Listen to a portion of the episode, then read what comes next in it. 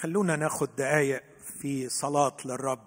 خلونا حتى لو في بيتك ممكن تقف معايا ونتضرع أو تركع معايا ونتضرع إلى الرب آه، بطلبات محددة أن يعود ويرحمنا. خلونا نتذكر أن الرب فعلا في الغضب يذكر الرحمة وأن مراحمه على كل أعماله. دعونا نتذكر قلب الله أبينا قلبه العطوف المحب. بطيء في الغضب كثير الرحمة نادم نادم على الشر. يعود يرحمنا يدوس أثامنا. إلهنا يكثر الغفران يحب أن يرجع عن غضبه. أيها الرب إلهنا المعلن في شخص ابنك حبيبنا ومخلصنا يسوع الذي رأيناه بالحب يعلق ليفدينا. نقترب إليك يا أبانا يا من أعلنت هذا الحب. نقترب إليك كأولادك بثقة البنين. نقترب إليك كعائلتك متضرعين بإيمان طالبين أن ترفع هذه الغمة عن العالم. متضرعين أن ترحم المساكين. إننا نؤمن حتى ولو كنا أخطأنا. حتى لو كان العالم في جهل احتقرك وأنكر وجودك واستبعدك وأخرجك من حساباته إلا أننا يا أبانا نرجو عفوك وصفحك وغفرانك. نرجو أيها الآب أن ترحم خليقتك المسكينة. أنت تعلم كم نحتاج إليك في هذه الظروف الصعبة. وكم نثق فيك يا أبانا؟ كما علمتنا أنك تستطيع كل شيء. لا يعصر عليك أمر. هو قال فكان أمر فصار. إذا أمرت تهرب الحمى والوباء من أمامك. لا وجود لهم في حضرتك. نؤمن يا أبانا ونتضرع. أن تنظر إلينا وترحمنا. أرحم العالم على الرغم من الجهل والإلحاد واستبعادك. وارحم بلادنا يا أبانا. أنت تعرف أنت تعرف أن مصر تحتاج إليك. فانظر إلينا وارحمنا. ولا تدخلنا في تجربة لكن نجنا من الشرير. ولا تدع مصر تكتاز في أزمة لا تستطيع أن تواجهها. ارحمنا واعطنا أن نرفع عيوننا إلى السماء من حيث يأتي عوننا. في اسم المسيح يا ابانا استجب لنا. آمين. آمين. الجمعة اللي فاتت آه، كان المفروض يكون علي الخدمة. وحرمت بسبب ظروف الطقس. كلنا اتحرمنا الكنيسة اتقفلت. والنهاردة كنا جميعا في شوق أن نلتقي لكن حرمنا أيضا بسبب كورونا فيروس. ولما فكرت في الأمر ده افتكرت إنه كم من آلاف المرات جئنا واجتمعنا واستمتعنا بالشركة معا. دون أن نشعر أن هذا شيء عزيز وثمين قد نفقده في يوم من الأيام لظروف خارجة عن إرادتنا. خدناها for granted أمور مسلمة بها. لا نمتن بسببها. لكن أشتاق من ربنا وأطلب إنه في الأيام الجاية إن أبقى لنا الرب بقية في هذه الحياة. أن نقدر هذه العطايا اللي يظهر إن إحنا ما بنقدرش قيمتها إلا لما نحرم منها. دعونا نقدر وجودنا وشركتنا بل نقدر أشياء كثيرة للغاية. ما بنعرفش نقدرها حق قدرها إلا عندما نحرم منها. لكن الرب لا يسمح بمزيد من الحرمان ونعود نعبد الرب معا ونفرح معا ونجتمع ونستمتع بالشركة معا. همي من سنوات يعني ليست بكثيرة هو أنه بما أعطاني الرب من نعمة أساعد إخوتي لتكوين عقل مسيحي. عقل مسيحي صحيح. قوامه كلمة الله. قوامه إعلان الله في الكلمة المقدسة. هذا العقل الصحيح يجيد التعامل مع الألم.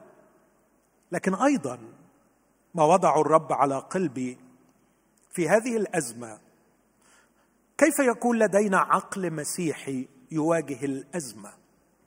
نحن في أزمة لأننا جزء من هذا العالم والعالم كله يواجه الأزمة. كيف ينبغي على المسيحي أن يواجه الأزمة؟ أو ما هو الشكل الصحيح للمسيحي الصحيح في مواجهة أزمة كهذه الأزمة التي نجتاز؟ فيها. امبارح كان عندي حوار على سات 7 موجود على مواقع التواصل.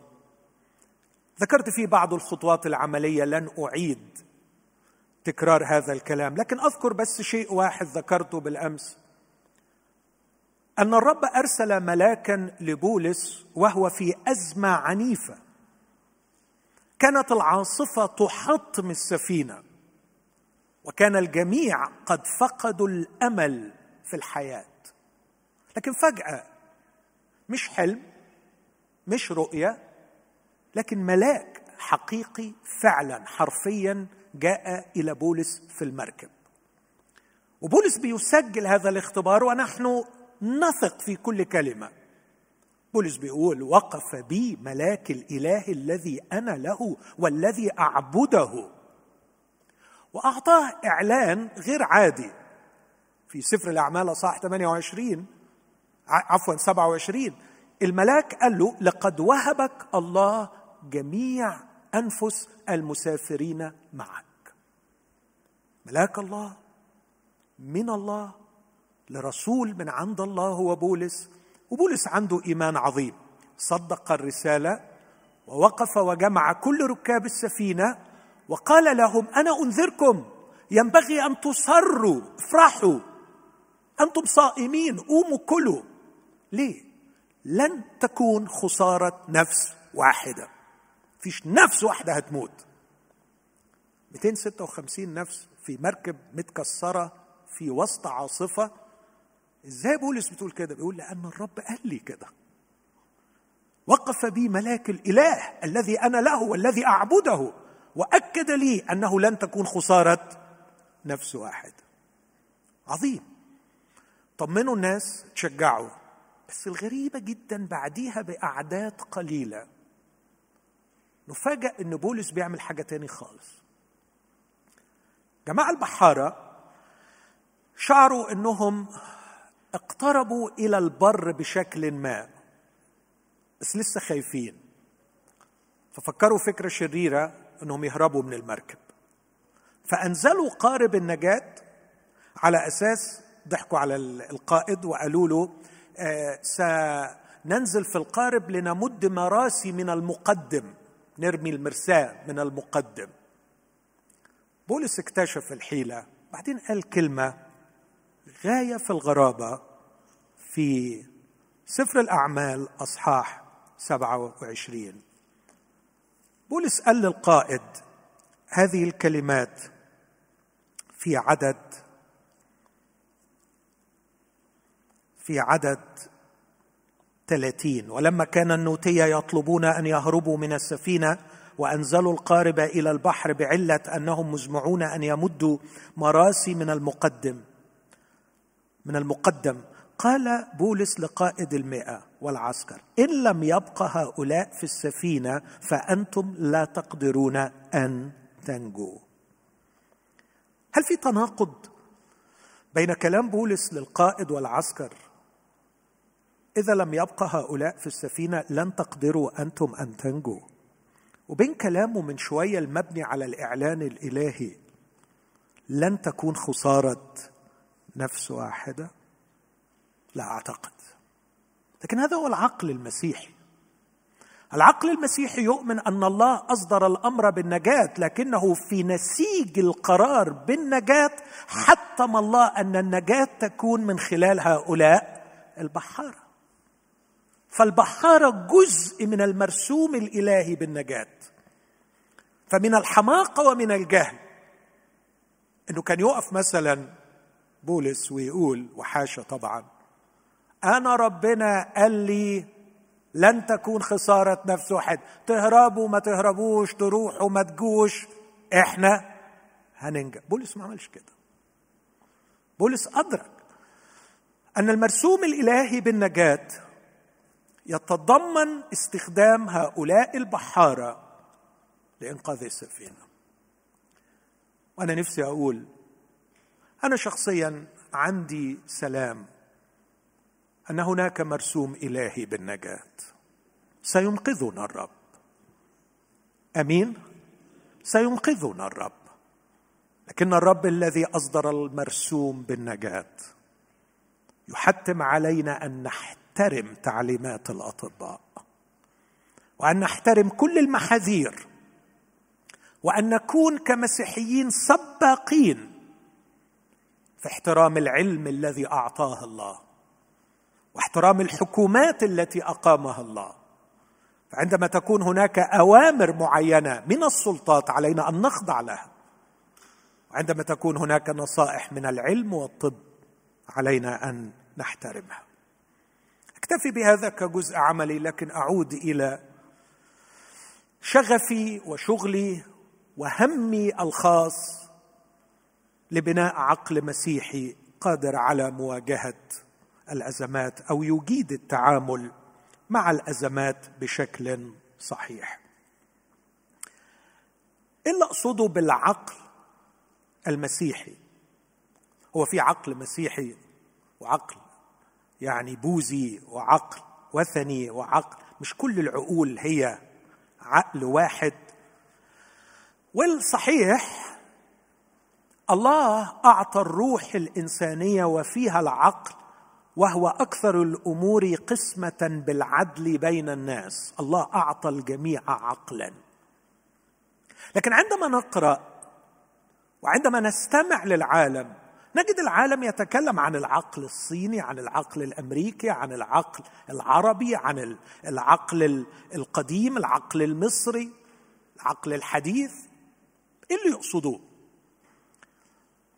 يقصدوا أن العقل كجزء من الروح أو الجزء غير المادي في الإنسان اللي هو ايماننا المسيحي بيقول في الروح عامل بالظبط زي ال hardware عامل زي الكمبيوتر.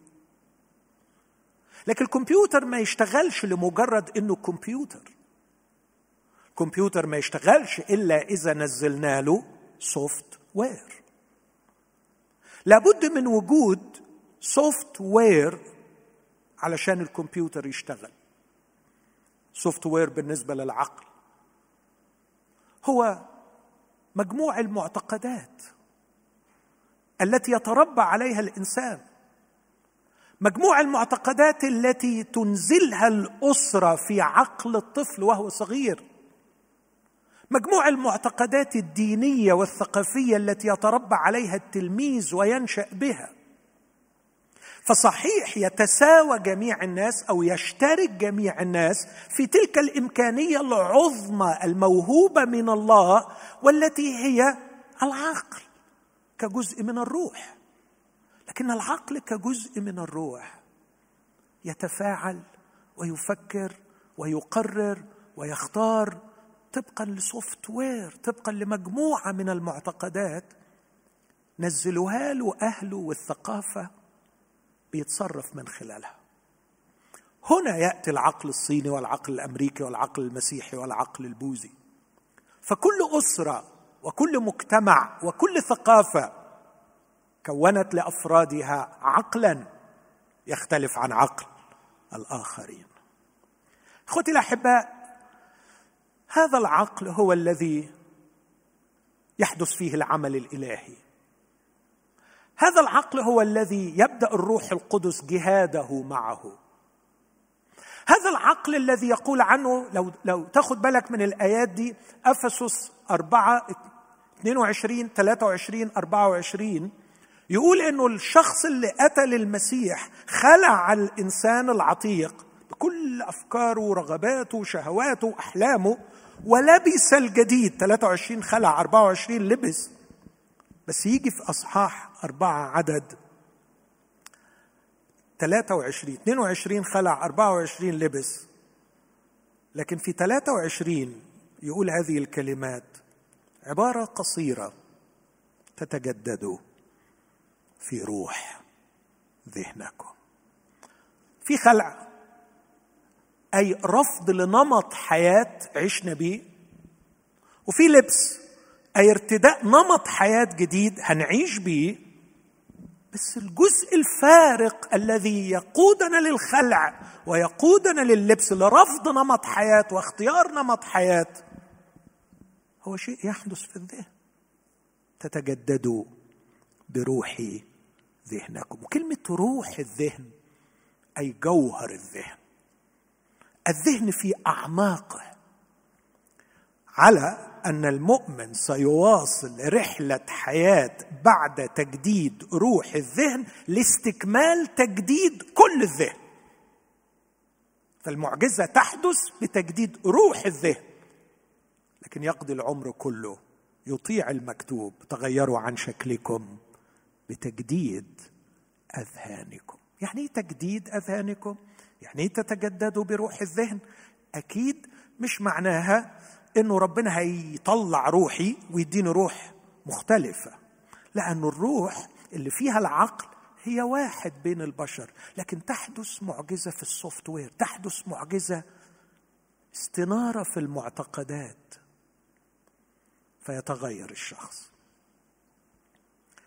هذه المعتقدات مختلفة من ثقافة إلى ثقافة ومن دين إلى دين. لكنها هي التي تتحكم عميقا في كل ردود أفعال الإنسان. اسمحوا لي أقول وهي التي تحدد مصير الإنسان. ليس في الحياة فقط لكن في الخلود أيضا. تحدد مصير الإنسان في الحياة وفي الخلود. خلوني أكد الفكرة دي من رسالة روميا أصحاح واحد رسول بولس بيقول كلمة مرعبة عن الناس وأنا أراها تنطبق على العصر الحاضر بصفة عامة والعالم الغربي بصفة خاصة. يقول وكما لم يستحسنوا أن يبقوا الله في معرفتهم أسلمهم الله إلى ذهن مرفوض ليفعلوا ما لا يليق. هذه الآية في رسالة روميا أصح واحد. أعتقد أنها عدد 28 أتمنى نشوفها مع بعض. علشان نشوف خطورة هذه الحماقة التي ارتكبها البشر. يقول في عدد 28 وكما لم يستحسنوا أن يبقوا الله في معرفتهم. أسلمهم الله إلى ذهن مرفوض. ليفعلوا ما لا يليق. ما هو الذهن المرفوض؟ هو ذهن فقد قدرته على الحكم الصحيح. لماذا فقد الذهن قدرته على الحكم الصحيح؟ لأنه اتخذ أغبى قرار في الوجود البشري في التاريخ البشري أغبى قرار لم يستحسنوا أن يبقوا الله في معرفته. بدأ ما يسمى للأسف ما يسمى للأسف عصر التنوير في أوروبا في القرن السابع عشر. بسموه عصر التنوير. إيه عصر التنوير؟ عصر استبعاد الله. معنى عقولنا معنى المنطق معنى الاكتشافات العلمية معنى الفلسفة. لا نحتاج إلى الله. ولا نحتاج إلى الإعلان. هنكتشفها وهنحلها. وأي معضلة هتقابلنا هنشيلها. نستطيع أن نفعل كل شيء. لا نريد الله ولا نحتاج إليه. كتب نيتشه معبرا عن هذه الحالة. 1882 كتب كتابا حتى اسمه غريب. الابتهاج المرح بالعلم فرحة بالعلم. وكتب فيه أن الله مات. ولم يكن يقصد أن يعطي طرحا لاهوتيا أن الله مات لكن كان يصف الحضارة الغربية. إن الحضارة الغربية في نهاية القرن التاسع عشر 1882 كان لها حوالي قرنين من الزمان من الاستغناء عن الله صورها نيتشه هذه الحالة بأن الله قد مات. لكن كان يكتب لهم ويتنبأ لهم ليريهم نتائج هذه الفعلة عندما استبعدوا الله. والحقيقة القرن العشرين كله بحروبه بأوبئته بانحلاله الأخلاقي ببدايات اندثار الحضارة الأوروبية يتكلم بأعلى صوت ليبين لنا ما تنبأ به نيتشه عن نتائج استبعاد الله. كتب قصة عنوانها الرجل المجنون ليصور حالة البشر بعد موت الله واستبعاد الله. وكان من ضمن عباراته في هذه القصة المرعبة يقول لقد قتلنا الله إننا أعتى القتله كيف سنمحو جرمنا؟ بعدين يقول كيف سنعيش بعد أن أفلتنا الأرض من عقالها حول الشمس؟ إلى أين نتجه الآن؟ هل إلى أسفل؟ هل إلى أعلى؟ هل إلى اليسار؟ هل إلى اليمين؟ ثم يقف ليتساءل وهل بقي لنا يسار ويمين؟ لقد ضاعت المعالم لقد صرنا نضيع في فراغ لا معالم له. بعد أن هدمنا الخيمة هدينا الخيمة على رأسنا إذ نزعنا العمود الأوسط منها. إن العمود الأوسط للخيمة هو وجود الله. وعندما نستبعد الله لا يبقى لنا يمين أو يسار. لكن كان الأمل عند عند غباء البشر أنه بموت الله يظهر السوبرمان أو كما يحلو للبعض أن يسميه ال overman ال Übermensch بالألماني كما سماه نيتشه. يظهر السوبرمان. لكن الواقع بيقول في سنة في, في القرن العشرين ودي بداية الواحد وعشرين أنه ما ظهرش السوبرمان ومش هيظهر. وأنه الإنسان بكل جبروته العلمي بيقفل ويعلن إفلاسه التام. ليس أمام قنبلة ليس أمام نيزك آتي من الخارج. ليس أمام كارثة كونية أو زلزال مدمر أو بركان بشع. لكن العالم يعلن افلاسه ويغلق أبوابه تماما. أمام فراجمنت جزء. لا يرى بالعين. من دي ان إيه ما نعرفش طلع منين. مش كائن حي. هرب. طالع من نبات طالع من بكتيريا طالع من بني آدم طالع من جثة طالع من أي حاجة. حاجة كده مش حية طايرة في الهواء. حجمها أصغر 44 مرة من أصغر بكتيريا. وتدخل علشان تشل. وعد عد المليارات مليارات الدولارات اللي عمالة تضيع. عد الدمار الاقتصادي اللي عمال يتحقق كل دقيقة. في القرن الواحد وعشرين أين السوبرمان؟ أين قوة الإنسان؟ أعتقد أنه حد هيقول لي إن شاء الله هنكتشف. أمين. وأنا بصلي من كل قلبي. أن الله ينعم على البشرية ويكتشف علاجا. لهذا أو لغيره. لكن في النهاية أظل أقول وسأظل أقول إنها أبشع حماقة ارتكبت في التاريخ البشري عندما ظن الإنسان أنه قادر أن يحيا وينتج ويبدع بدون الله. صحيح على فكرة تقدر تنتج وتبدع. تقدر. تقدر تنتج وتبدع لأن الله في كرمه أعطاك عقلا ينتج ويبدع. وإذا استبعدت الله لن يكف عقلك عن الإنتاج والإبداع. بس ده مش معناه إنك مش هتبقى محتاج لله. هتطلع لك بين الحين والآخر مشاكل صغيرة أو كبيرة. هتأكد لك إنك في شديد الاحتياج إلى الله. لم يستحسنوا أن يبقوا الله في معرفتهم فأسلمهم الله إلى ذهن مرفوض. ليفعلوا ما لا يليق ليصدروا احكاما خاطئة. على المستوى الأخلاقي على المستوى العلاقاتي فدمروا بعض ودمروا أنفسهم. لكن أنتقل من النقطة دي واحد يقول أنا لا أستبعد الله من ذهني. ودي الفكرة اللي أنا عايز أقول لكل شخص مسيحي حقيقي. يريد تكوين عقل مسيحي إن عمود الخيمة الأوسط الذي يقوم عليه بناء الذهن هو وجود الله. أن يكون الله حاضرا موجودا. إذا غاب الله وغاب وجوده الفاعل في ذهنك ذهنك مكنه بايظة.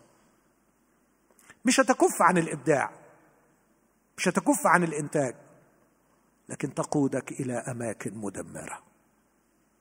تقودك إلى ما لا يليق تقودك إلى الخطأ.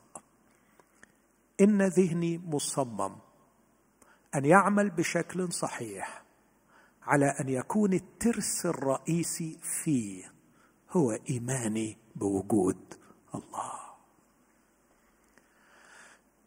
لكن أضيف هنا وأقول مش مجرد إيماني بوجود الله لكن إيماني بوجود الله الحي الحقيقي. لأنه من الممكن أن يكون ذهني يبنى على إيمان بوجود الله لكن صورة خاطئة عن الله. وأتمنى قبل ما أخلص خدمتي النهارده أكون قدمت فكرة عن من هو الله الحقيقي الذي ينبغي أن يبنى عليه ذهن الإنسان. لكن هل أنا مبرر كشخص؟ وهنا لا أتكلم كخادم مسيحي لكن كمفكر هل أنا مبرر عندما أزعم هذا الزعم وأقول أن الإيمان بوجود الله هو عمود الخيمه الرئيسي الذي يقوم عليه بناء الذهن السليم؟ هل أنا مبرر في هذا؟ أعتقد إني مبرر وأقتبس بس واحد بس مع انه ممكن أقتبس كثير أرجوك راجع ورايا هذا الاسم مورتيمر أدلر. مورتيمر أدلر. مورتيمر أدلر مش مجرد فيلسوف عادي لكن قيل عنه أذكى إنسان في أمريكا في القرن العشرين.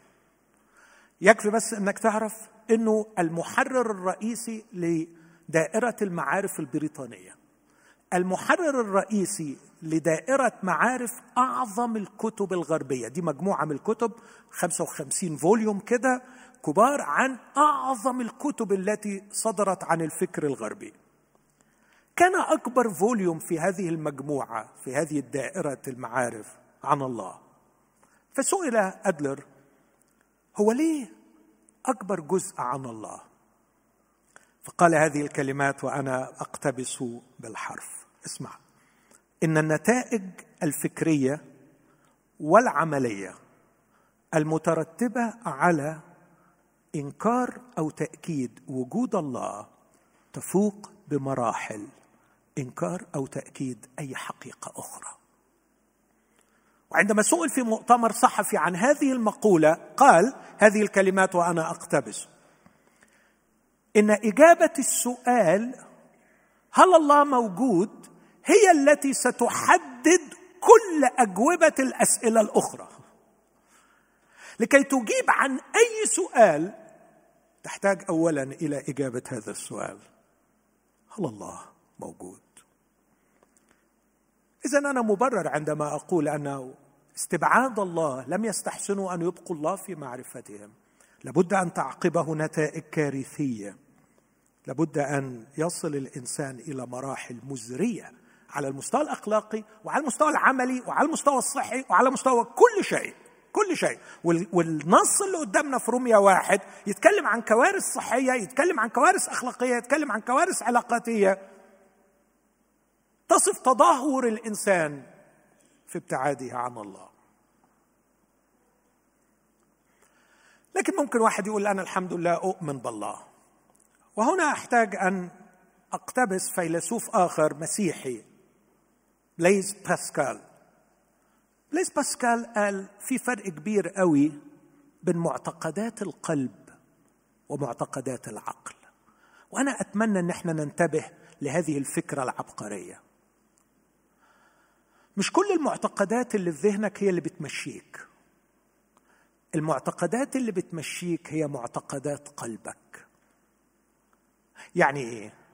يعني ممكن يبقى عندك معتقدات في ذهنك بترددها وتؤمن بيها وحافظها لكن عندك جد مش هي دي اللي بتشتغل. لكن اللي بتشتغل نوعية تاني من المعتقدات ويمكن أنت يعني اتدخلت لك اتنزلت لك زمان وانت مش دريان بوجودها مع ان هي اللي مشغلاك هي ال operating system بتاعك. يعني مثلا اسأل أي واحد مسيحي بيروح كنايس وبيحفظ آيات وبتاع. آه هو إيه معتقدك من جهة المال؟ إيه معتقدك من جهة المال؟ من الممكن يس... لو خصوصا بيحضر كنايس كتير يعني ممكن يسمع لك يقول لك محبه المال هي أصل لكل الشرور. آه لا تقدر أحد أن يخدم الله والمال. هيسمع لك المال لا ينبغي أن يكون له مقام كبير في حياتنا وده كلام صحيح 100% وبعدين أسأله أنت فعلا مؤمن بالكلام ده؟ هيرد عليه ويقول لي طبعا طبعا أنا مؤمن بيه. طب هضغط عليك وهتعبك علشان تنكر لو موتني أنا ما انكرش ده حق ده كلام ربنا أنا ما أقدرش أنكر. كلام جميل. بس روح اسأل عياله عنه أو اسأل صحابه عنه ولهم هو إيه أخبار صاحبنا في تعامله مع المال؟ تلاقي حاجة تانية خالص خالص. طب هو أخونا كذاب؟ لا مش كذاب لا مش كذاب. بس أخونا مش واخد باله أن الإنسان في فساده. يصل إلى حالة من عدم الأصالة. بحيث إنه ما يكونش أصيل يعني ما يكونش حقيقي. أن معتقداته التي يرددها وينادي بها ليست هي معتقداته التي تسيره وتشغله وتخليه يتصرف طبقا لها أنا أعتقد إنه كثير مننا هيقول الله هو وجوده عمود الخيمه الرئيسي. أنا بستعمل التشبيه ده لأنه مش لاقي تشبيه أفضل منه لكن لو تخيلت حضرتك أي خيمة دايما بيبقى في الخيمة في عمود في النص الخيمة كلها قايمة عليه. بعد كده في أعمدة صغيرة وفي أوتاد بس كل دي ما تهمش أهم حاجة هو العمود. لو ده اتكسر الخيمة كلها وقعت. لكن لو أي حاجة تاني من دول من الأعمدة الصغيرة أو الأوتاد اتقطعت أو اتكسرت الخيمة تفضل شغالة. فيها مشكلة بس شغالة. من الممكن تقول لي أن إني أؤمن بوجود الله وإيماني بالله هو العمود الرئيسي في خيمة عقلي؟ سؤالي هل هو معتقد عقلي أم معتقد قلبي؟ يعني السؤال بلغة أبسط. إيمانك بوجود الله بيشغلك؟ ولا ده موضوع بنوعظ بيه وننتمي بيه؟ أنا الحمد لله لست من الملحدين الكفرة الذين يرفضون وجود الله وينكرون وجوده لكني من المؤمنين بوجود الله. ول قل لي إلى أي حد إيمانك بهذا الإله شغلك؟ بمعنى مثلا عندما أرى رجل كيوسف يوسف يؤمن بوجود الله وشاول الملك يؤمن بوجود الله. الاثنين بيؤمنوا بوجود الله. بس بص بص ده مشغله إزاي وده مشغله إزاي؟ شاول سمع إن داوود نزل إلى قعيلة ليخلصها من الأعداء. قعيلة ناس غلابة فقراء كانوا بينزلوا عليهم الفلسطينيين ينهبوا منهم الطعام ويسيبوهم في حالة جوع. وهو مسيح الرب يحب شعب الرب عايز يخلص شعب الرب. فسمع كده فراح قال للرب يا رب هل أنزل لأخلص قعيلة؟ رب قال له انزل لكي تخلصهم من المأساة اللي هم فيها. فنزل داوود ليخلص قعيلة. شاول سمع وشاول عايز يقتل داوود. فيقول إيه؟ فرح وقال إن الرب قد دفعه إلى يدي بأن أدخله إلى مدينة لها عوارض وأبواب وجمع الشعب للحرب ليقتل داوود. إن الرب دفعه ليدي. يؤمن بوجود الله. بس اللي بتمشيه مش عقيدة وجود الله اللي بتمشيه رغباته النجسة الشرسة إجرامه إنه عايز يقتل. طب أمال إيه الكلمة دي؟ دي كلمة نستعملها لتبرير رغباتنا بس اسمع الرجل الثاني. كان في البيت وحده مع امرأة سيده وقالت له اضطجع معي. فقال لها هو إذا سيدي قد دفع كل شيء إلى يدي ولا يعرف معي شيئا في البيت ولم يمنع عني شيئا إلا أنت لأنك امرأته فكيف أصنع هذا الشر العظيم وأخطئ إلى الله؟ الله موجود فهو يراني وسيحاسبني على كل فعل. ما أقدرش أعمل كده. لأن الله موجود. لا أستطيع أن أزني لأن الله موجود. والتاني بيقول الله موجود عشان كده أقدر أقتل داوود. لا تحكي لي كثيرا عن معتقدات عقلك كيف تكون لكن قل لي ما هي معتقدات قلبك. ما هو الذي يسيرك في هذه الحياة؟ عشان كده يعقوب يعلمنا ويقول لنا أنت تؤمن أن الله واحد. تؤمن إن الله واحد. كويس. بس تعرف يعقوب بيقول إيه؟ حسنا تفعل والشياطين أيضا يؤمنون ويقشعرون. أعتقد ان أنا وصلت إلى نقطة مهمة. أنتقل بعدها بسرعة. النقطة المهمة اللي وصلت لها وأتمنى إنها تكون وصلت لكل أحبائي المشاهدين. أهم حاجة فيك عقلك. عقلك هو اللي بيمشيك. عقلك هو مصدر شعورك بالهلع أو بالسلام. عقلك هو مصدر أخلاقك وتصرفاتك. عقلك هو اللي منه بتصدر الأحكام على كل شيء في الحياة. عقلك هو الميزان اللي بتقيم بيه الأمور. عقلك عقلك عقلك. ممكن أتكلم ساعات عن أهمية عقلك. ما هو عقلك؟ لا أتكلم عن الجزء الغير مادي في الروح. أتكلم عن السوفت وير أتكلم عن مجموعة المعتقدات التي تكونت من الأسرة والمجتمع والتي بها تعيش وتتصرف. هذا العقل اللي هو الكتاب بيسميه الذهن اللي هو تغيروا عن شكلكم بتجديد أذهانكم اللي هو تتجددوا بروح ذهنكم. ينبغي أن يكون مبنيا كليا على الإيمان بوجود الله. وإذا غاب الله عن هذا العقل صرنا قشه في مهب الريح. وصرنا فعلا ضحية لكل كاذب وناعق.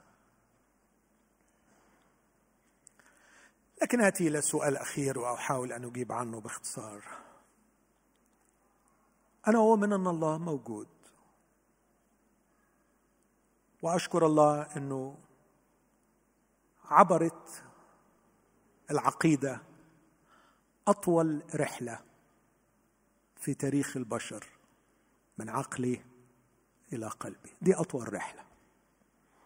أطول رحلة. أن تعبر العقائد من عقولنا إلى قلوبنا. فتصير المعتقدات ليست معتقدات العقل لكن معتقدات القلب. ليست معتقدات أعظ بها وأعلم بها وأرنم بها وأرنم لها. لكن هي المعتقدات التي تجعلني أتخذ قراراتي اليومية البسيطة في أبسط كلمة وفي أصعب قرار.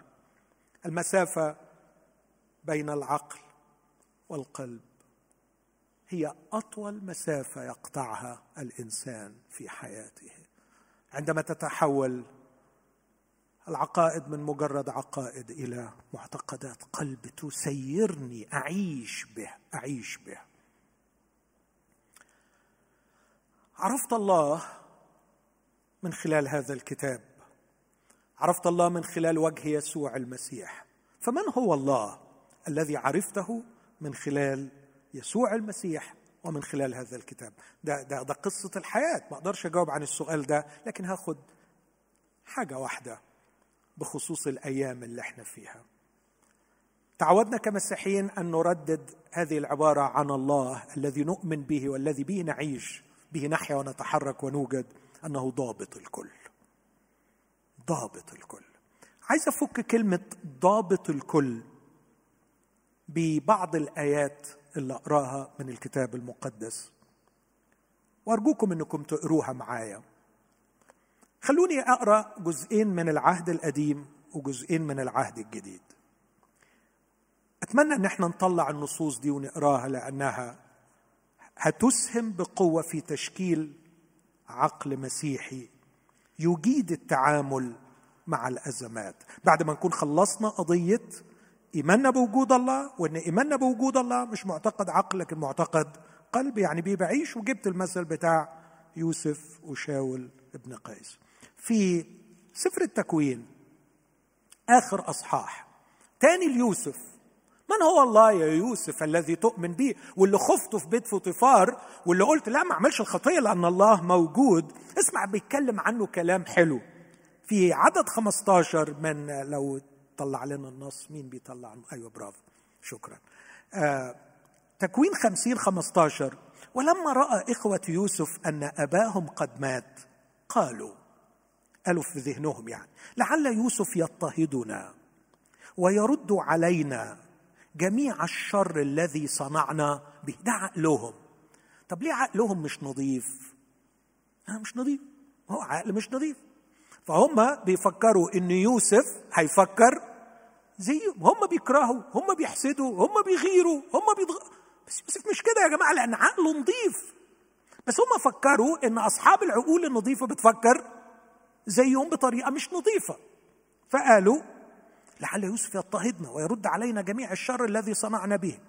فأوصوا إلى يوسف قائلين اعتقادي الشخصي هو ده الكلام ده حصل بس اعتقادي الشخصي إنها تاليفه منهم.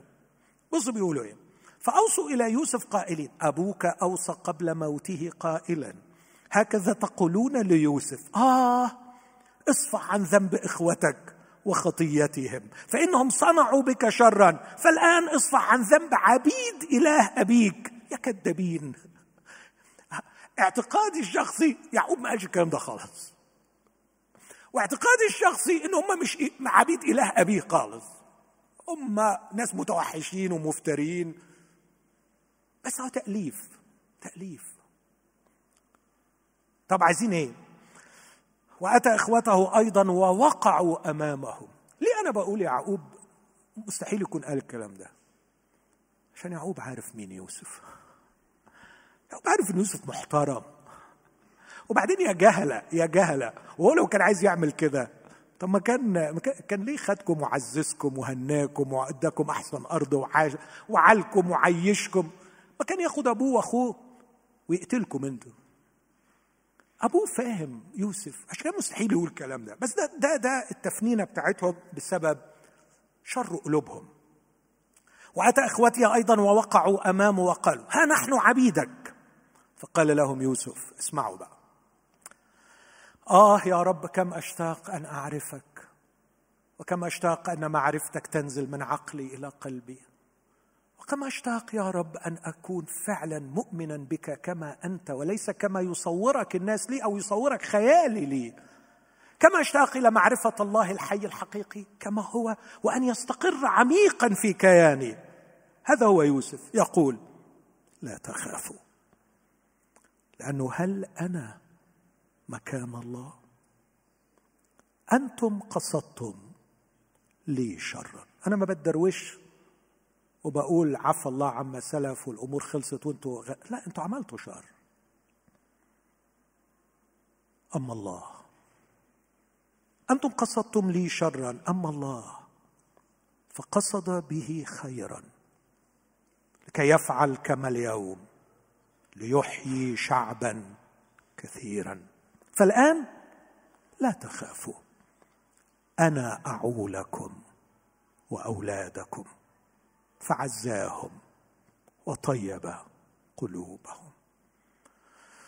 ما أجملك يا يوسف ليس فقط في أخلاقك لكن ما أجملك في معرفتك بإلهك. ما أجملك يا يوسف انت تدخل الأقداس لكي تكتر على من هو الله. ما أجملك عندما تختلي بنفسك وتراجع نفسك وتسأل سؤالا وراء سؤال. من يكون هو الله الذي أؤمن بوجوده؟ وطوباك إذ أتتك الإجابة. أن الله هو ضابط الكل المسيطر على كل شيء. صاحب الفضل في كل شيء. فهم يقصدون وقصدوا لك شرا. أما إلهك يا يوسف فقصد به خيرا. طوباك.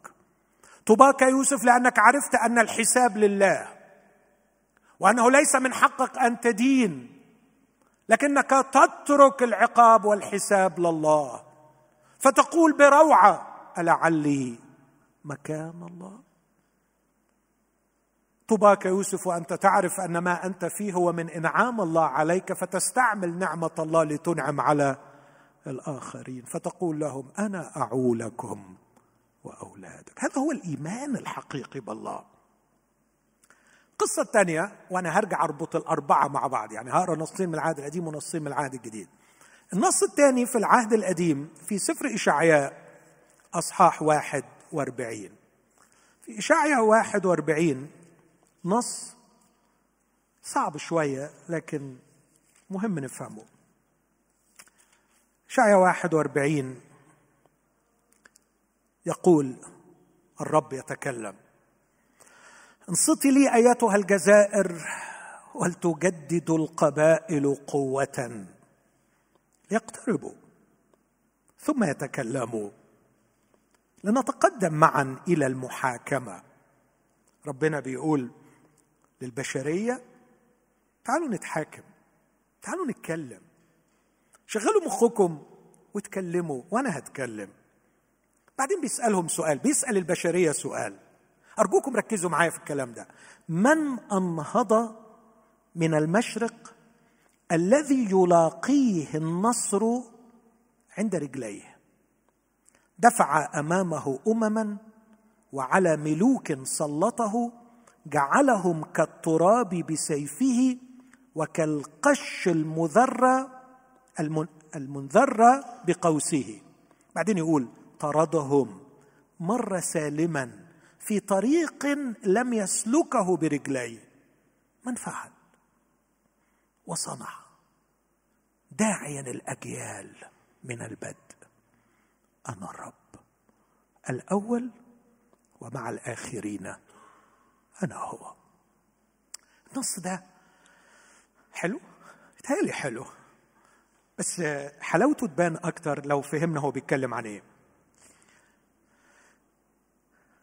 شعيا كان بيتنبأ وبيوصف كورش الفارسي وانتصاره المدوي على بابل.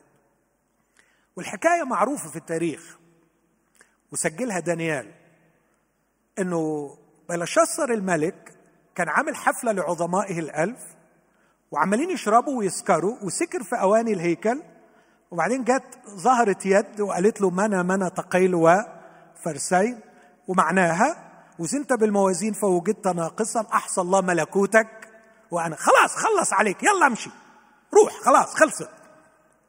سبعين سنة من المجد البابلي الرأس من ذهب المجد الذي لم يصل إليه إنسان. نبوخذ نصر الجبار أسس مملكة عظيمة جبارة. وبعدين انهارت في ليلة. ودخل كورش وخدها. دخل إزاي؟ عمل حاجة بسيطة قوي. هم كانوا مقفلين بابل ومحصنينها وقاعدين جوه يسكروا ويشربوا ومبسوطين. ونهر الفرات بيعدي من تحت أسوار بابل. راح كورش حول مجرى النهر. فبدت الدنيا تحت السور. سهلة. فمر سالما في مجرى النهر. وهم بيسكروا جوه مقفلين الأبواب مية مية. لكن هو عنده نهر ناشف. هو حول مجرى النهر لحتة تاني. ودخلوا وخدوا المدينة. يقول اسمع اسمع يقول إيه؟ هو ما حاربش على فكرة. أقرأ النص بقى في ضوء الحكاية التاريخية المعروفة والمثبتة. من أنهض من المشرق؟ من إيران. الذي يلاقيه النصر عند رجليه. يعني هو ما حاربش هو النصر اللي جاله. اسمع دفع أمامه أمما وعلى ملوك سلطوا جعلهم كالتراب كالقش طردهم مر سالما عدى ببساطة في طريق لم يسلكه برجليه. يعني ما حدش عدى فيه قبل كده برجليه لأنه ما حدش بيمشي في النهر في قعر النهر بس هو راح محول النهر. مين اللي وقع مملكة وقوم مملكة؟ اقرأوا التاريخ البشري. وهيا بنا إلى المحاكمة بعد ما تقروا التاريخ. هل رأيتم احداثا في التاريخ لا يمكن تفسيرها بمنطقكم الطبيعي. ألم تروا إصبع الله في التاريخ؟ ألم تروا سلطان الله على التاريخ؟ أيتها البشرية التي في كبريائها وغبائها استبعدت الله؟ اقرأوا التاريخ. اقرأوا التاريخ لتعلموا أن هناك يد عليا. هناك ضابط الكل هناك ملك الدهور هناك صاحب السلطان. الذي كان يتحكم في مسار التاريخ. وأنا عايز أقول لاخوتي اليوم اخوتي أرجوكم وأنتم تشاهدون شاشات التلفزيون أو الكمبيوترز وأنتم تتابعون الأخبار اعلموا أن الله صاحب السلطان. اعلموا أن الله صاحب السلطان. اقرأوا التاريخ لتتأكدوا أنهم استبعدوا الله لكن الله لم ينسحب. أمين؟ أنا أتمنى تتعزوا زي ما أنا متعزي بيها. اسمع لم يستحسنوا أن يبقوا الله في معرفتهم. فيا حرام ربنا صعبت عليه نفسه وخد بعضه وانسحب ومشي وخلع إيده من الدنيا. لا. لا. لا لا لا لا لا, لا. إيده في الدنيا وإيده في التاريخ ومسيطر على شعر رأسي ولن تسقط شعره من رأسي بدون إذن أبي. أيوه هم استبعدوه. بس استبعدوه من؟ فاكرين الآية؟ لم يستحسنوا أن يبقوا الله فيه معرفة؟ استبعدوه من معرفتهم. لكن ما عرفوش يستبعدوه من الأرض. هي أرض أبوهم. هو هي الأرض ما هي أرضه. والعالم عالمه. والكون كونه. والدنيا بتاعته. والتاريخ بتاعه. هو ملك الدهور. اسمع العبارة دي. الله يدعو البشرية للمحاكمة. تعالي أيتها البشرية الحمقاء في كبريائها التي تصورت انها اذا استبعدت الله من ذهنها صارت هي سيدة التاريخ. كلا. لم يزل الله هو سيد التاريخ. هو اللي بيحدد هو المسيطر هو اللي يقول الكورونا إلى هنا تأتي ولا تتعدى. هو اللي يقول هنا يبدأ وهنا ينتهي.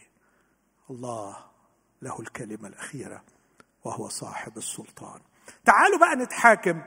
اسمع بيقول لهم السؤال بقى بعد ما حكى لهم حكاية كورش ودخوله على بابل يقول لهم من فعل؟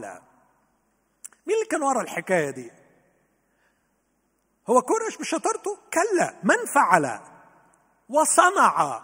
اسمع العبارة داعيا الأجيال. يعني إيه داعيا الأجيال؟ الجيل مرحلة من التاريخ البشري. هي في الترجمة السبعينية كلمة آيون اللي هجيلها بعد شوية في العهد الجديد يعني دهر أو عصر جيل. الله بيسمي نفسه هنا داعيا الأجيال. يعني إيه داعي الأجيال؟ يعني في جيل ماشي بكل أفكاره ومعتقداته وثقافاته واختراعاته. وبعدين ربنا يقول له ستوب خلاص كده كفاية. وبعدين يدعو جيلا آخر. يدعو الأجيال. من فعل وصنع داعيا الأجيال من البدء؟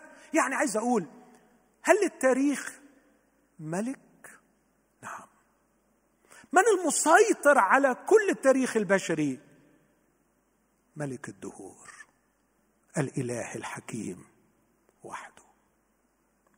من فعل وصنع داعيا الأجيال. خلونا أقولها بلغة أخرى. خط الزمن الممتد مقسم إلى دهور. فمن الذي له السلطان أن يقول هنا انتهى دهر وهنا يبدأ دهر؟ مين صاحب السلطان؟ لازم يكون حد بره الزمن فوق الزمن له سلطان على الزمن. بس أنا وأنت وهتلر وغيره وأعلى ما في البشر كائنات صغيرة جوه الزمن. والفيروس جوه الزمن. والوحوش الردية جوه الزمن. والقنابل النووية جوه الزمن. والعقول الكبيرة والصغيرة جوه الزمن. لكن الله فوق. الله مسيطر. الله هو الذي يدعو الأجيال. من فعل من صنع داعيا الأجيال من البدء. مين اللي أطلق الزمن من البداية ومين اللي بيقسمه وبيتحكم فيه وفوق ومسيطر عليه. هو بيجاوب أنا الرب. الأول. وهفضل كده لغاية الآخر. أنا الأول أنا الرب الأول. ومع الآخرين يعني لغاية ما نوصل للآخر خالص أنا هو. حلوة قوي أنا في البدء. أنا الأول. ومع الآخرين أنا هو. يعني إيه أنا هو؟ يعني في النص تغير مليون شخص ومليون قائد ومليون حاكم ومليون سياسة ومليون ثقافة. وأنا هو. لا أتغير. أنا الرب الأول. ومع الآخرين أنا هو. لكن الرب يستمر في المحاكمة والرب يبدو إنه عنده أحيانا فعلا يعني ما يسمى sense of humor بص كده بيقول إيه؟ نظرت الجزائر فخافت. لما شافوا الحكاية اللي حصلت مع بابل اللي جرى لهم خافوا طبعا لأنه لقيوا إن في مملكة عظيمة بتقع كده في يوم وليلة وراحت. حتى الراجل بتاعها لو تفتكروا الراجل بتاعها لما جالت له اليد وكتبت دي طرف يد كتبت. ها فاكرين إيه اللي حصل؟ يقول انحلت خرز حقوي واستكت ركبتيه يعني ابتدى يترعش لما شاف الحكاية دي وربنا بيقول له خلاص خلصت انت انتهيت. سمعت وعظ زمان لموريس جرجس يمكن تفتكروه خادم الرب الجميل. قال وهو بيوعظ عنه قال ومش بعيد يكون رطب. رطب يعني فاهمين يعني إيه رطب باللبناني؟ يعني الراجل ركب طبعا منظر مرعب. فسمعت البشر كلها والممالك كلها أخبار الأمر ده إنه المملكة العظيمة وقعت. فيعملوا إيه؟ بصوا الغباء. نظرت الجزائر فخافت. أطراف الأرض ارتعدت. اقتربت وجاءت. يلا يلا نساعد بعض يا جماعة. يلا ده في حاجة غريبة ده في ممالك عظيمة بتقع. يلا يلا شدوا حيلكم مع بعض. إيه نعمل إيه؟ كل واحد يساعد صاحبه ويقول لأخيه تشدد شجعوا بعض. طب نعمل إيه؟ فشدد النجار الصائغ. الصاقل بالمطرقة الضارب على السندان قائلا عن الإلحام هو جيد فمكنه بمسامير حتى لا يتقلقل سخرية من أشد ما يكون. اجتمعت البشرية عندما رأت سقوط بابل المروع وقالوا لا ده في حاجات غريبة إحنا لازم نحتمي بالآلهة. فابتدوا كل واحد يشجع أخوه عشان يعملوا مزيد من الأصنام. فالنجار يشتغل مع الصايغ يقول له أنا هعمل لك حتة إله ما حصلش بس أنت شغلتك تعمل إيه؟ ها؟ تطليه كويس. والحداد مع الضارب بال... على السندان وبعدين يقول له ما تخافش اللحام إيه؟ ها؟ جاي عملت لك إله ما يتفكش. ملحوم مية مية. والله الساكن في السماوات يسخر. تعتمدون على أوثان صنعتها أيديكم. وتستبعدون الله. إخوتي أنا أرى مع كل احترامي لألم البشرية ولا أريد أن أحد يزايد علي في تعاطفي العميق مع وجع البشر وألامهم. لكني أسمع صوت الحزن الإلهي من حماقة البشر وهم يتكلون على الأوثان. ويستبعدون الله من الأذهان. لم يستحسنوا أن يبقوا الله في معرفتهم لكنهم لم يظلوا بدون إله. صنعوا لأنفسهم آلهة وثنيه لا تستطيع أن تخلصهم في يوم البلية. آه متى تستفيق البشرية من حماقتها؟ يسخر الله من العباده الوثنية. وبعدين يكلم شعبه بقى وهذه رسالة الله للكنيسه وأما أنت وأما أنت يا إسرائيل عبدي أوعى تروح للنجار اعمل معروف. أوعى تروح للحداد اعمل معروف. أوعى تخيب زيهم وتعمل لك. إله وتبعد عن الرب إلهك. أما أنت يا إسرائيل عبدي يا يعقوب الذي اخترته نسل إبراهيم خليلي الذي أمسكته من أطراف الأرض ومن أقطارها دعوت وقلت لك أنت عبدي. اخترتك ولم أرفضك. لا تخف لا تخف لأني معك. لا تتلفت لأني إلهك. قد أيدتك وأعنتك وعضدتك بيمين بري. إنه سيخزى ويخجل جميع المغتظين عليك. يكون كلا شيء مخاصموك ويبيدون. عدد 13 لأني أنا الرب إلهك الممسك بيمينك القائل لك لا تخف أنا أعينك. تخافش زيهم. يعني أنا لك. لقد وضعوا ثقتهم في الأوثان فمن حقهم يخافوا. لكن أنت ما ينفعش تخاف لأنك وضعت ثقتك في أنا الله. داعي الأجيال. انتقل لنص ثالث في رسالة العبرانيين أصحاح 11 أصحاح الإيمان وهو من أعظم وأقوى أصحاحات العهد الجديد. عبرين 11 أصحاح الإيمان. يبدأ بعبارات جميلة يقول أما الإيمان فهو الثقة بما يرجى والإيقان بأمور لا ترى. رسالة الرب للكنيسة على الكنيسة وهي مرتبكة بسبب ما يرى ألا تنسى من لا يرى. وعلينا الا ننشغل طول الوقت بما يرى لكن أن نفكر في من لا يرى. الإيقان بأمور لا ترى فإنه في هذا شهد للقدماء. بص أول حاجة القدماء أمنوا بها واتفقوا عليها جميعا. اسمع العبارة دي. بالإيمان نفهم أن العالمين أتقنت بكلمة الله حتى لم يتكون ما يرى مما هو ظاهر. إيه معنى العبارة دي؟ كلمة العالمين في عدد ثلاثة. الحقيقة جاية في اليوناني ايونز عشان كده نقدر نترجمها بثقة وبطمأنينة دهور. ages.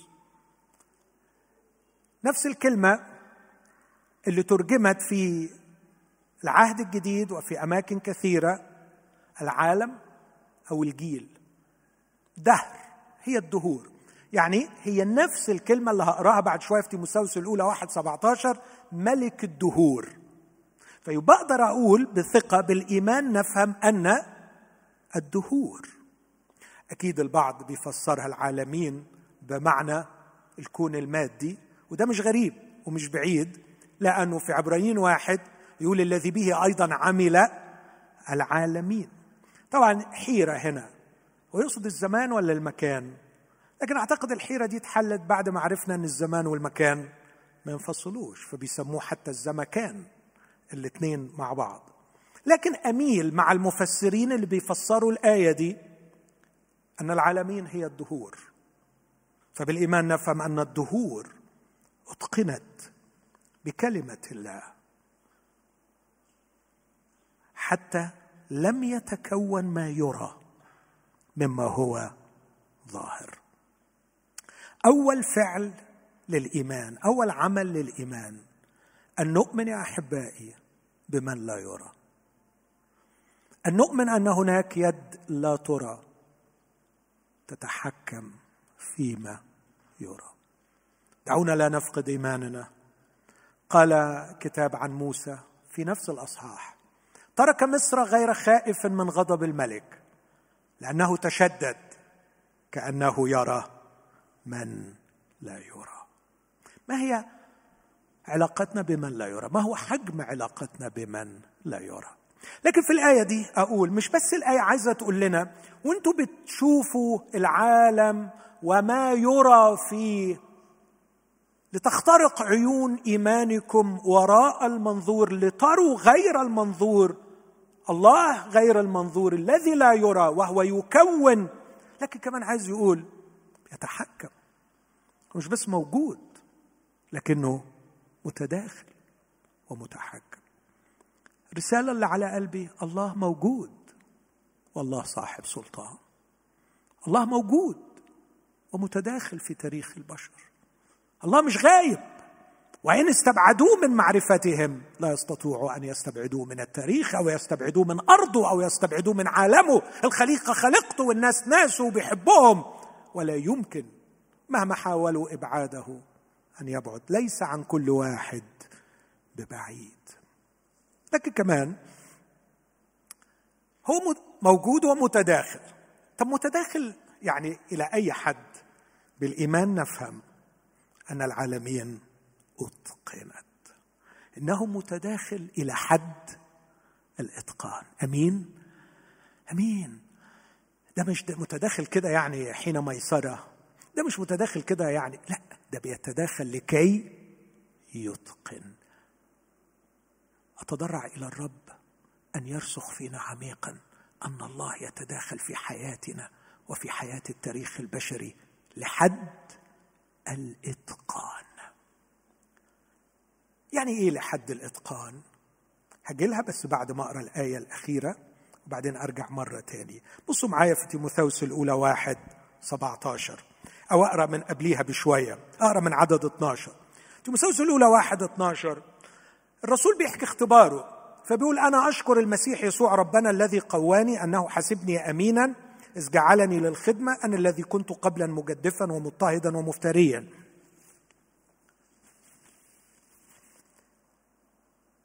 شاول الطرسوسي مجدف مضطهد مفتري. عايز له حد يقف في سكته ده.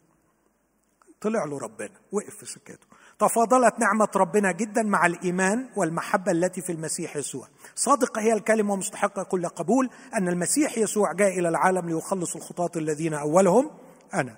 لكنني لهذا رحمت ليظهر يسوع المسيح فيا أنا اولا. يعني كأنه بيقول طب هو ليه سيبني في الغلب اللي أنا كنت فيه ده والشر اللي أنا كنت بعمله والافتراء بتاعي؟ ما كان خلصني من الأول وينقذ الناس مني. يقول لا اتاريه كان عنده حكمة في هذا الأمر؟ فسبني علشان يظهر في أنا اولا كل أنات مثالا للعاتدين أن يؤمنوا به الحياة الأبدية. وهنا ما قدرش غير إنه يقف ويسبح ويحط الدكسولوجي ده التسبيحة دي يقول وملك الدهور الذي لا يفنى ولا يرى. ممكن قول الآية دي معايا وأنت بتسمعها ملك الدهور الذي لا يفنى ولا يرى الإله الحكيم وحده له الكرامة والمجد إلى دهر الدهور. آمين. للدهور ملك. آمين. للدهور ملك. وهذا الملك هو إلهنا. ملك الدهور King of Ages. ملك الدهور. عايز أوضح الحتة دي وأختم. قلت من شوية خط الزمن متصل. لكنه مقسم إلى ظهور. أكيد كل حقبة تاريخية تختلف عن الأخرى. ما هو تعريف الدهر؟ في اللغة العربية هو الأمد المحدود. وفي اللغة الإنجليزية هو مدة محدودة لكن غير محددة. يعني ما أقدرش أقول الدهر 100 سنة أو ألف سنة. هو فتره مش مش أبدية بس محدودة لكن مش محددة. والسؤال الذي طرحته من سنين طويلة على نفسي إذا كان الدهر غير محدد بزمن فما الذي يحدده؟ تحدده أفكار جيل؟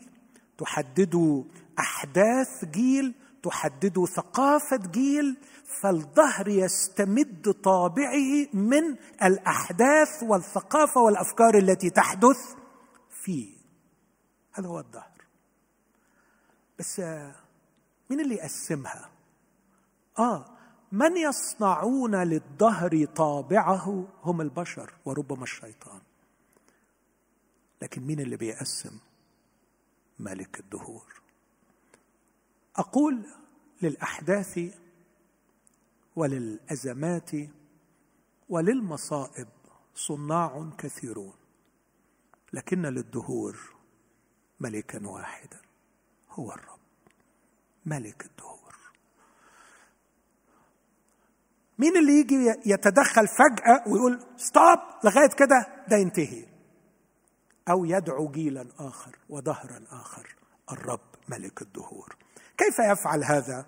بولس أو كاتب العبرانيين يشرح ويقول بإتقان يتقن. يعني إيه يتقن؟ الكلمة في اللغة اليونانية لها ستة معاني على الأقل. أذكرهم بسرعة. يتقن يعني يضع الإطار. والذي لا يمكن للأحداث أن تخرج عنه. يتقن يعني يكمل نقص. يعني يتدخل أحيانا وفي حاجة ناقصة يروح مديها حتة من عنده زيادة. يكمل حاجة. يتقن يعني يصلح خللا. في حاجة ماشية مش زي ما هو عايز أو حاجات كتيرة مش ما هو عايز. بس في حاجات معينة عايزها تأدي غرض معين فيروح مصلحها. يتقن يعني يضبط الإيقاع يتحكم في سرعة الأحداث. يتقن يعني يستكمل اللوحة. يتقن يعني يجمع ويركب معا. هذا ما يفعله الله في التاريخ. وهذا ما يفعله الله في حياتي وفي حياتك وفي حياتك. ده اللي الله بيعمله. لو عايز تتأكد من هذه النظرية ادرس حياة يوسف. ادرس حياة يوسف الذي آمن بالله وعرف من هو الله. الله وضع إطارا لحياته. مين اللي حط الإطار لحياة يوسف؟ يتولد فين؟ ويتولد من مين؟ وإيه الظروف اللي اتولد فيها؟ وإيه الظروف اللي اتعرض لها وهو صغير؟ وضع الإطار لهذه الحياة. أتقنها بأن وضع الإطار لها. وأتقنها بأنه كمل نقصا وأصلح خللا. رجع الفكرتين دول في حياة يوسف. أكمل نقصا وأصلح خللا. يوسف يطلع بالأخلاق دي إزاي؟ أبوه يعقوب وأمه رحيل وإخواته بالشكل اللي إحنا عارفينه. قولوا لي إزاي ده يطلع؟ على فكرة الشخصية نتاج ستة عوامل. العامل الأول الجينات والبيولوجي وبعدين البيئة والتربية الأسرية وبعدين الثقافة والتعليم. قول لي إيه من الستة دول عدل ممكن يطلع لنا يوسف؟ لا يوسف في في حد دخل عمل حاجة. في حد عمل حاجة. الله متداخل بيعمل مش حاجة بيعمل حاجات. لكن يتقن يصلح خللا. أفكركم بخلل واحد بس؟ خلل واحد. قرروا إن هم يقتلوه. لو اتقتل يوسف القصة الكتابية كلها انهارت. لو قتلوا يوسف مفيش حكاية في مفيش حكاية المسيحية. القصة خلصت خلصت كلها. الكتاب المقدس وقع. يوسف ما يتقتلش فلازم الله يتدخل. فيعمل إيه؟ يذكر راؤوبين إنه غلطان في حق أبوه خطية عظيمة. فراح خلى حنان كده إنه يعمل حاجة في حق أبوه إنه يرجع له الواد ده فقال لهم بصوا خسارة إن إحنا نذبحه هيبقى شكله شكلنا وحش. ارموه في البير فيموت موت ربه كده من الجوع في البير وخلاص على كده. وهو كان ناوي يطلعه. صلح الخلل. اترمى في البير. وبعدين يظهر كعادته خايب راؤوبين ده لما تدرس حياته تلاقيه خايب فعلا. خد بعضه ومشي ما عرفش راح فين. يا دوب مشي من هنا ويهوذا راح طلعه وباعه. الخطه عمالة تكمل. يصلح خللا.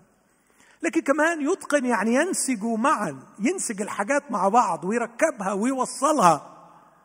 في الوقت اللي راؤوبين مشي يهوذا الطماع اللي بيحب الفلوس يروح مطلعه ويقول لك على إيه؟ إحنا يعني يضيع هدر كده نبيعه نستفيد منه فباعوه بعشرين من الفضة. بس ساعات لما راؤوبين مشي ويهوذا طلعه عشان يبيعوا في نفس اللحظة جاية قافلة إسماعيليين ونازلة إلى مصر. فباعوه للقافلة دي والقافلة تاخده وتنزل بيه إلى مصر وعلى أساس يكملوا رحلتهم وياخدوه معاهم لا قال لك نخلص من الزبون ده في مصر. فراحوا باعوه يبيعوه فين؟ أقرب سوق نخاسة يروحوا يعرضوه. تصدف ساعتها إن الوحيد من مئات المشترين اللي يشتريه هو فوطيفار ويروح بيت فوطيفار وتحصل الحادثة إياها ويترمي في السجن ومش أي سجن السجن اللي فيه الساقي والخباز. وبعدين يحدث خطأ يوسف يقول له طلعني. لكن الراجل ينساه فيطلع بعد سنتين. في الوقت اللي فيه حلم فرعون الحلم علشان تبدأ أحداث رهيبة. بالإيمان نفهم أن العالمين أتقنت بكلمة الله. مين اللي كان بيتقن الأشياء دي؟ مين اللي بيتحكم فيها كلها؟ اقرأوا قصة يوسف كم الإبداع الذي يبين سلطان الله متقن الدهور ملك الدهور ضابط الكل متحكم في كل شيء. واملأوا عقولكم بهذا الإله. بس أتخيل واحد أو واحدة بيسأل وبيقول لي الكلام ده كويس بس ده عشان يوسف. لكن أنا يا عمي أنا فين؟ أقول لك على فكرة أنا ما كنتش بتكلم عن يوسف خالص. تقول إزاي؟ أه صدقني. أنت بس ما سمعتنيش صح. أنا مش بتكلم عن يوسف. أنا بتكلم عن إله يوسف. أنا مش قصدي أتكلم لك عن يوسف. خالص. أنا بوصف إله يوسف. وإله يوسف هو إلهي. وهو إلهك إذا اخترته. إذا أنت عايزه. يوسف راح. لكن إله يوسف راحش هو هو أمس واليوم وإلى الأبد. قصدت يا إخوتي أن أصف أصف من هو الإله الذي أؤمن به والذي أعبده. الإله الذي يملأ ذهني وخيالي. الإله الذي هو عمود الخيمة الأوسط في تركيبة عقلي. ضابط الكل ملك الدهور متقن الدهور صاحب السلطان. هل حياتك عشان الله كده. لازم تبقى متقنة؟ لا. لا. ممكن حياتك تبقى خبط فوضوي. الأمر يعتمد على مدى التصاقك بإله يوسف. هو متاح. هو موجود. هذه هي صفاته وهذه هي أخلاقه وهذه هي إمكانياته. هو بيعرض نفسه عليك عليك. وبيقول لك تعال سلمني حياتك. أنا ملك الدهور. أوزعها أضبط إيقاعها أقسمها أتحكم فيها. حتى شعره من رأسك لا تسقط بدون إذني. أرجو أن نحني قلوبنا ورؤوسنا ونصلي. أنت قدام الشاشة احني قلبك ورأسك وصلي معي. هذه الصلاة. يا رب إني أسلمك حياتي. يا رب أنا أطلب غفرانك لخطاياي. أدعوك يا ملك الدهور لتكون ملكي ربي وإلهي. ملك الدهور متاح لكنه لا يفرض سلطانه عليك بدون إرادتك. صانع التاريخ مستعد أن يصنع حياتك. صانع التاريخ مستعد أن يتقن لك حياتك. فقط قل له أقبلك مخلصا شخصيا لي. انها أيام للتوبة والسماء مفتوحة لتوبة الكثيرين. فالرب حنان ورحيم كثير الرأفة. يعود يرحمنا. اطلب غفران خطاياك اطلب اطلب سيادة الرب على حياتك. قرر في هذا الصباح الرجوع الكامل بكل القلب إلى الرب. دعونا جميعا نقرر أن نعود إلى الرب إلهنا. هو زمن العودة إلى الرب والتوبة إلى الرب لكي يرحمنا. ليترك الشرير طريقه ورجل الإثم أفكاره. وليتب إلى الرب ليرحمه. وإلى إلهنا لأنه يكثر الغفران.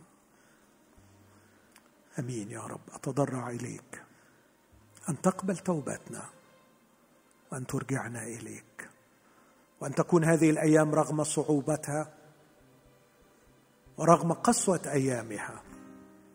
هي أيام البركة لحصاد كثير. ربما يا رب لم نسمع موسيقى الإنجيل الشجية في زمن الراحة والسهولة. أردت أن تسمعنا إياها في أيام صعبة قاسية. افتح الأذان والقلوب أيها السيد لصوت الإنجيل لرسالة الإنجيل لخبر الإنجيل. لتفرح السماء بخطاة إليك يرجعون اقبل يا أبانا وارحمنا. وافتح السماء فيض علينا. فيض علينا أياما طيبة. حتى وإن ضاقت نفوسنا بسبب المرض تفرح قلوبنا بخلاص الكثيرين. في اسم المسيح. آمين. امين ما فيش وجود لقوة تانية. طول ما انت هنا وما فيش حدود لأي مجد هتصنعوا لنا. مفيش وجود لقوة تانية